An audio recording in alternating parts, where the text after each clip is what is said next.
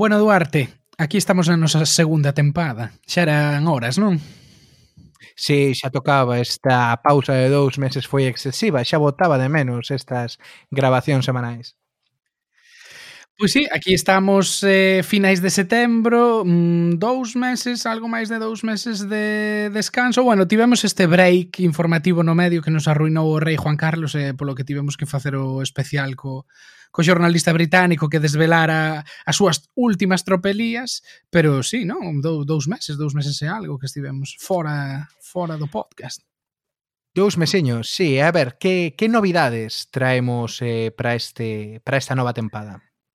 A ver, mm, traemos varias e quen lera o newsletter da semana pasada xa saberá de algunhas, pero a primeira delas é algo que está acontecendo agora mesmo, a pesar de que quen nos escoitades non o podedes ver, é que nos estamos dua, mm, grabando Duarte máis eu queremos facer así un vídeo podcast eh, onde nos poidades ver as caras mentres falamos, así a pantalla partida e agora mesmo estamos facendo os primeiros ensaios para ver como queda e para ver como nos desenvolvemos nos nisto, que somos así estamos máis acostumados a, a só audio e, e co audiovisual pois pues, é, é un paso máis non nos chegaba con ser podcasters que agora parece que tamén queremos ser youtubers. Remataremos tendo unha canle en Twitch e facendo streamings.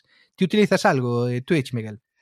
Eu uso Twitch para ver así algunha xente comentando videoxogos ou mesmo para ver en directo algún programa eh, da televisión española que non se pode ver aquí e a forma de, de pasar o filtro é eh, conectarse a Twitch e ver alguén que o está comentando e o está vendo en directo por exemplo, ás veces eh, fago propio con el chiringuito de jugones é o meu guilty pleasure das noites e si sí, uso Twitch para iso, ti? Eu moi pouco, eu a verdade algún vin algún streaming de algo de, de videoxogos, pero pero aí son máis un pouco máis ranciete. Pero bueno, es quen sabe, non? Agora igual nos toca meternos eh, meternos aí e darlle o noso toque galego británico. Sí, porque polo que polos datos da última enquisa que fixemos, o noso público é principalmente non millennial, non? Xente de 30, 40 para arriba, estamos deixando un pouco de lado a audiencia máis nova, parece pois quizáis temos que facer un, un streaming de, de PMQs, a sesión de control ao primeiro ministro de todos os mércores, poñémola, conectámonos a Twitch e empezamos a comentala e a, e a berrarlle a líder da oposición e ao líder e ao primeiro ministro. Sería quizáis o máis marciano que se fixo en o xornalismo galego, pero bueno, todo sexa por innovar. E todo sexa por normalizar a, a lingua galega, sí, es, nunca se sabe. Pois con isto comezamos eh, a segunda tempada do Te con Gotas. Dentro intro. about Brexit. What, what's that? Put your flags away, you're leaving, and take them with you if you are leaving now. With the light, with the music, very welcome everybody here. You're joking. There's too much politics going on at the moment. Hi folks, I've developed mild symptoms of the coronavirus. The nose to the left, 432. Would you like a cup of tea? Yeah, sure. She's on. Have a cup of tea. Thank you, thank you. Hostia, Miguel, pero esta intro é nova, non é a mesma que tiñamos a tempada pasada. Quen, quen é esta xente? Onde están claro. os míticos personaxes da, da nosa intro anterior? Claro, a ver, había que renovar un pouco o repertorio, porque John Berko co de Order, Order era moi característico, pero xa non é o speaker da cámara, entón xa non pintaba moito aí. E decidimos meterlle, pois, eh, uh, xente, personalidades un pouco máis actuais, non? Ou, ou polo menos vídeos que pasarán á posteridade do que foron os últimos meses. Por exemplo, a segunda voz que escoitades aí é a de Merit McGuinness, que é unha eurodeputada irlandesa que nas, na última sesión uh, dos diputados británicos no Parlamento Europeo era a presidenta da Cámara e nese audio estálle botando a bronca aos deputados de, de UKIP, de Nigel Farage, que se marcharon ondeando as bandeiras do Reino Unido cando, eh, de acordo coa normativa do Parlamento Europeo, non o poden facer. Entón, basicamente, estáos mandando a merda de forma moi eh, polite, así educada, dicindolles que collan as bandeiras e as leven consigo agora que se marchan da Unión, da Unión Europea despois de Abel Caballero, que se sigue aí, porque sigue sendo un alcalde presente para sorte ou desgracia dos vigueses, Temos a Brenda, que é unha señora anónima que colleu a BBC na rúa en Bristol despois de que Theresa May anunciara en 2017 a convocatoria dunhas novas eleccións. E foi moi gracioso porque eh, ese, ese corte das noticias da, da BBC saía esta señora dicindo algo así como estás de broma, outras eleccións, mira, xa non podo máis con todo isto, hai demasiada política, fora así en redes sociais como moi mainstream, entón decidimos darlle un oco no noso humilde podcast galego. E despois, pois está Boris Johnson, iso xa o recoñeceredes máis, pois dicindo, facendo un directo de Facebook ou de Instagram desde a súa casa dicindo pois que tiña síntomas leves de coronavirus cando deu positivo eh, do test do COVID. Esas son as, as novidades eh, do, danos a intro. Son as novidades a nosa intro, pero non son as únicas novidades que teremos neste nesta nova tempada do Té con Gotas. A maiores do vídeo que xa mencionamos eh, na, ao principio, que é algo que estamos probando, eh, tampouco nos comprometemos de ver como, como queda, pero sí que nos gustaría comezar a utilizar un poquinho máis diso. E tamén se lichedes o newsletter ou se contestachedes a enquisa que enviamos a semana pasada, pois posiblemente xa saberedes que estamos pensando en facer algo así como máis podcast especiais, tratando algún tema específico, específico, xa sexa eh, algo galego, un tema global, así cunha óptica galego-británica. Pero sí que queremos ir facendo cousas un poquinho distintas, pero sen perder a esencia tampouco do que é un té, un té con gotas. E para non perder a esencia do que é un té con gotas, Miguel, de que imos falar hoxe? Pois eh, imos falar de Brexit e de Irlanda do Norte e isto é volver ás esencias máis que nunca porque lembrome que un dos primeiros programas que fixemos na anterior tempada ia sobre isto, sobre Brexit e Irlanda do Norte, así que é un revival total. Pero bueno, a cousa é un pelín densa, como sempre que se fala de Brexit e de Irlanda do Norte, así que imos recapitular eh, para saber onde estábamos antes de marcharnos de vacacións. Duarte, contanos, onde estaba o Reino Unido, onde estaba isto do Brexit antes de marchar a Galiza? En la temporada anterior recordaremos que o Reino Unido sae da Unión Europea e sae da Unión Europea porque ten un acordo, un acordo que regula as condicións a súa saída, é dicir, vale, o UK, o UK está fora, pero durante un período de tempo vai a seguir con algún tipo de regulación parecida á, á da Unión Europea. Eso, en principio, tía que rematar ahora un de xaneiro eh, deste ano, onde habría que asinar un novo acordo de libre comercio para, bueno, pois regular, non? Como vai ser o tema o tema comercial. Pero a cuestión é que neste acordo de divorcio, que aquí se coñece como eh, withdrawal, withdrawal agreement, o que se dicía era que durante este período o Reino Unido tiña que seguir aliñado co, coa UE e particularmente, e isto era o máis importante, Irlanda do Norte tiña que seguir prácticamente todas as regulacións europeas. Por que? Porque é a única fronteira física que existe entre Reino Unido e, e Unión Europea. Entonces, para asegurarse de que as cousas, de que non había fronteira física, que non había aduanas, tiñan que seguir as mismas as mismas normas, as mismas eh, regulacións. E aí onde estábamos, estábamos con este acordo firmado e co goberno negociando coa Unión Europea o acordo de libre comercio que tería que entrar en vigor a partir do eh, 1 de 1 de xaneiro. Pero algo pasou, que rompeu, que estropeou Boris Johnson este verán. Claro, isto, por aclarar, este acordo de divorcio do que ti falas é un acordo que o propio Boris Johnson asinou hai menos dun ano e que vendeu como o seu grande mm. logro despois de que Theresa May se pasase meses e meses sen eh, lograr un acordo um, o suficientemente bo para el. Pero sí, como dicías, que aconteceu hai escasas semanas aquí no Reino Unido? Pois, o Parlamento Británico aprobou unha lei do mercado interno que anula e o recoñeceu o propio goberno británico, non é unha interpretación nosa, anula algúns puntos do acordo de divorcio coa Unión Europea. Entón, por así dicilo, o goberno británico e o seu parlamento están indo contra unha lei eh, internacional, un tratado internacional que o propio Reino Unido asinara co, coa Unión Europea. Lóxicamente, si, si hai que facer algún cambio sobre ese tipo de acordo, debería ser negociado mutuamente, pero aquí o goberno británico está dando eh, está dando dándose a sí mesmo poderes para anular algúns puntos de forma unilateral.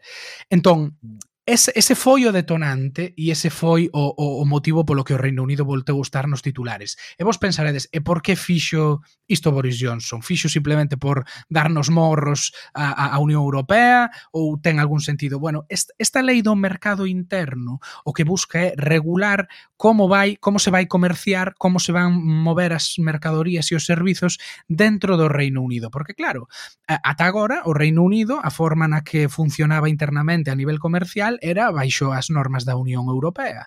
Agora saen da Unión Europea e, por así dicilo, hai un valeiro legal. Para que non haxa ese valeiro legal, pois o goberno crea esta lei do mercado interno. Cale o problema? E aquí volvemos a Irlanda do Norte. Que Irlanda do Norte está e terá que estar baixo o paraugas legal da Unión Europea, algo que Boris Johnson pois ou se deu conta tarde ou cambiou de opinión agora, pois non quere non quere porque quere que o Reino Unido teña en todo o seu territorio nacional soberanía e que o goberno británico pois poida decidir, por exemplo, en cuestións como axudas públicas do goberno a empresas privadas, poida decidir soberanamente sin ter que acatar ningunha norma da Unión Europea. Claro, iso é contradictorio cando unha parte do teu territorio ten que sí ou sí respetar esa normativa comunitaria. Aquí entran, eu creo, é unha cousa bastante grave, que que o Reino Unido está incumplindo eh, un acordo internacional. É unha cuestión da cal sempre os políticos británicos se jactan moito é de que o papel do Reino Unido no, no contexto internacional é o dunha forza ou dunha potencia que é garantista, que cumpre os acordos e que garante a orde internacional eh, actual. Entón isto, máis que nada, é un, digamos, un torpedo á reputación internacional do Reino Unido. A min sorprendeume moito as declaracións que chegaron do, dos Estados Unidos. Non sei se si, non sei se si viches Miguel eh, sí. eh, as declaracións que que dixo Nancy Pelosi, a presidenta, bueno, a speaker ou presidenta da do Congreso dos, eh, dos Estados Unidos, demócrata, que se si non se respetaba o acordo de Benre Santo, que é o acordo de paz entre o IRA e o goberno británico, que moi dificilmente o Congreso demócrata iba a aprobar un, un tratado de libre comercio entre os Estados Unidos e o Reino Unido. É sí, un daño ao prestixio. Mesmo Joe Biden fixo algunha mención e, e é certo que a comunidade de irlandeses nos Estados Unidos é, é moi importante e é un tema sensible é, sensible ali. Pero claro, é o que ti é o que ti dis. Eh, isto xa vai máis alá dunha disputa sobre Brexit sí ou Brexit non, porque hai, mo, hai, hai unha crecente oposición dentro do propio Partido Conservador e dentro de xente e grupos de deputados conservadores que están a favor do Brexit, eh, hai un, un, unha oposición en contra deste movimento, pois porque son xente que ven do mundo da diplomacia, mm. que son xente que ven do mundo da lei e que sabe da importancia de algo tan básico como respetar pois un, un acordo internacional. Por tanto, isto xa non é un debate sobre un certo sector, eh, os que están en contra só están en contra porque queren quedar na Unión Europea e os que están a favor son os que queren marchar. Non, isto xa é eh, un, un, unha oposición a un movimento do, de Boris Johnson dentro do, do seu propio partido e de xente que está a favor do, do, Brexit. Claro, claro, vai moito máis alá, é unha cuestión de reputación. É, é interesante porque, claro, a Unión Europea non o tomou, non o tomou nada ben. De feito, eh, ameazaron con tomar accións legais se agora a finais de setembro eh, o Reino Unido non retiraba isto. Estamos xa chegando a finais de setembro e parece que nin o Reino Unido retira esta proposta nin tampouco a Unión Europea vai chegar a tomar accións legais da sensación de que foi un farol. Pero bueno, isto, desde logo, enrareceu un pouquiño o ambiente destas conversas e destas negociacións eh, do acordo de libre comercio que xa estaban pois moi retrasadas polo pola pandemia. Onde estamos ou onde está o Reino Unido a día de hoxe nesas negociacións con a Unión Europea para o acordo de libre comercio, Miguel? A ver, as negociacións agora eh, comezan precisamente este martes un proceso aí de tres días onde eh, van tentar achegar posturas e, e limar as perezas sobre, bueno, este asunto eh, e, e, e outros máis, porque eh, o, o problema non é a lei en sí, eh, o, o, o problema é Mm, que pretende facer o goberno británico tamén con esta lei. Agora mesmo, para nesas negociacións hai dous puntos de fricción, un ten que ver coas cotas pesqueiras e co dereito que teñen os países da Unión Europea a pescar nos caladeiros británicos. É un tema simbólico importante, pero non é o principal, dado que a actividade pesqueira representa un 0,1% do, do produto interior bruto, é algo que, eh, de acordo cos diplomáticos británicos e, e, e europeos, é algo que facilmente se podería resolver. O problema principal ten que ver sobre a axuda estatal e sobre co, eh, ata que punto o goberno británico pode desde o Estado subvencionar a empresas pois con criterios e motivos moi diferentes. E iso ten moito que ver con esta lei do mercado interno, porque poñamos por caso que o goberno británico agora decide dar subvencións pois a empresas que producen coches no Reino Unido. Eh, e esas empresas que producen coches no Reino Unido, en Irlanda do Norte, deberan de respeitar a normativa europea proíbe subvencionar a empresas privadas do sector da automoción, eh, etc. Pero se si o goberno británico quere manter, por así dicilo, un mercado nacional, Irlanda do Norte deberá formar parte dese mercado. Entón, Poden as empresas de Inglaterra subvencionadas polo goberno británico vender os seus coches a precios eh, máis baratos en Irlanda do Norte ou non poden porque teñen que respeitar a normativa europea a respecto de subvencións públicas. Ese é un pouco o, o, o punto principal de desencontro agora mesmo. Eh, parece que hai vías para mm, chegar a un acordo e nos últimos días as declaracións que chegaban de, de Michel Barnier e do negociador británico eran máis máis optimistas, pero ese é o punto eh, pois principal dos desencontros. Ahora, como dicía, comezan tres días de negociación, se as cousas van ben, eh, poderían entrar as conversas nunha fase de túnel que se lle chama, onde xa empezan a limarse pois os, os, os flecos e as cuestións máis de detalle. Eh, Michel Barnier dixo esta semana que o máis realista é que se hai un si, si para que haxa un tratado de, de comercio con a Unión Europea e o Reino Unido eh, listo en xaneiro, ten que haber haber xa unha proposta finalizada en outubro, a finais de outubro, nun mes.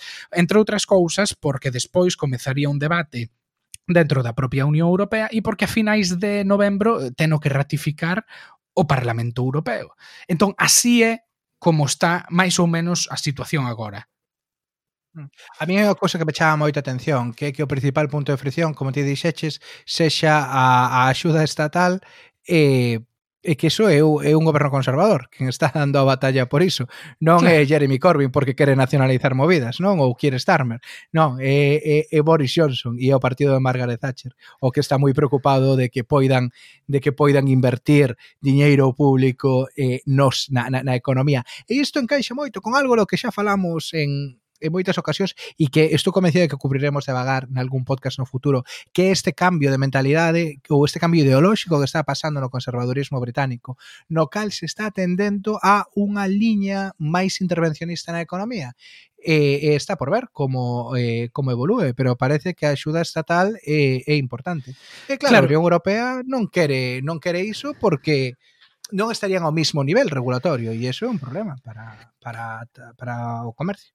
Claro, é competencia desleal. Eh, poñámonos por caso pois que unha conserveira galega eh, quere vender os seus produtos en Irlanda do Norte. Eh, si vai ali e compite en igualdade de condicións cos produtores franceses, italianos, croatas, o que sexa, vale, ben, pois a Unión Europea respeita iso, pero se si no mesmo supermercado, no mesmo estando supermercado, aparecen unhas con, conservas británicas sospeitosamente máis baratas porque teñen eh, axudas do goberno británico, pois claro, iso sería sería competencia desleal, entón claro. suporía, suporía un problema. Pero o que ti dicías precisamente do contradictorio que é que sexan os conservadores que fagan iso, precisamente hai un par de semanas no, no The Economist eh, falaban exactamente diso, de que ata agora os únicos que estaban en contra desas limitacións no que ten que ver coa axuda pública ás empresas eran xente como Jeremy Corbyn ou representantes de, de sindicatos e que precisamente os conservadores máis liberais do que o que dicían era que o único que valía a pena da Unión Europea era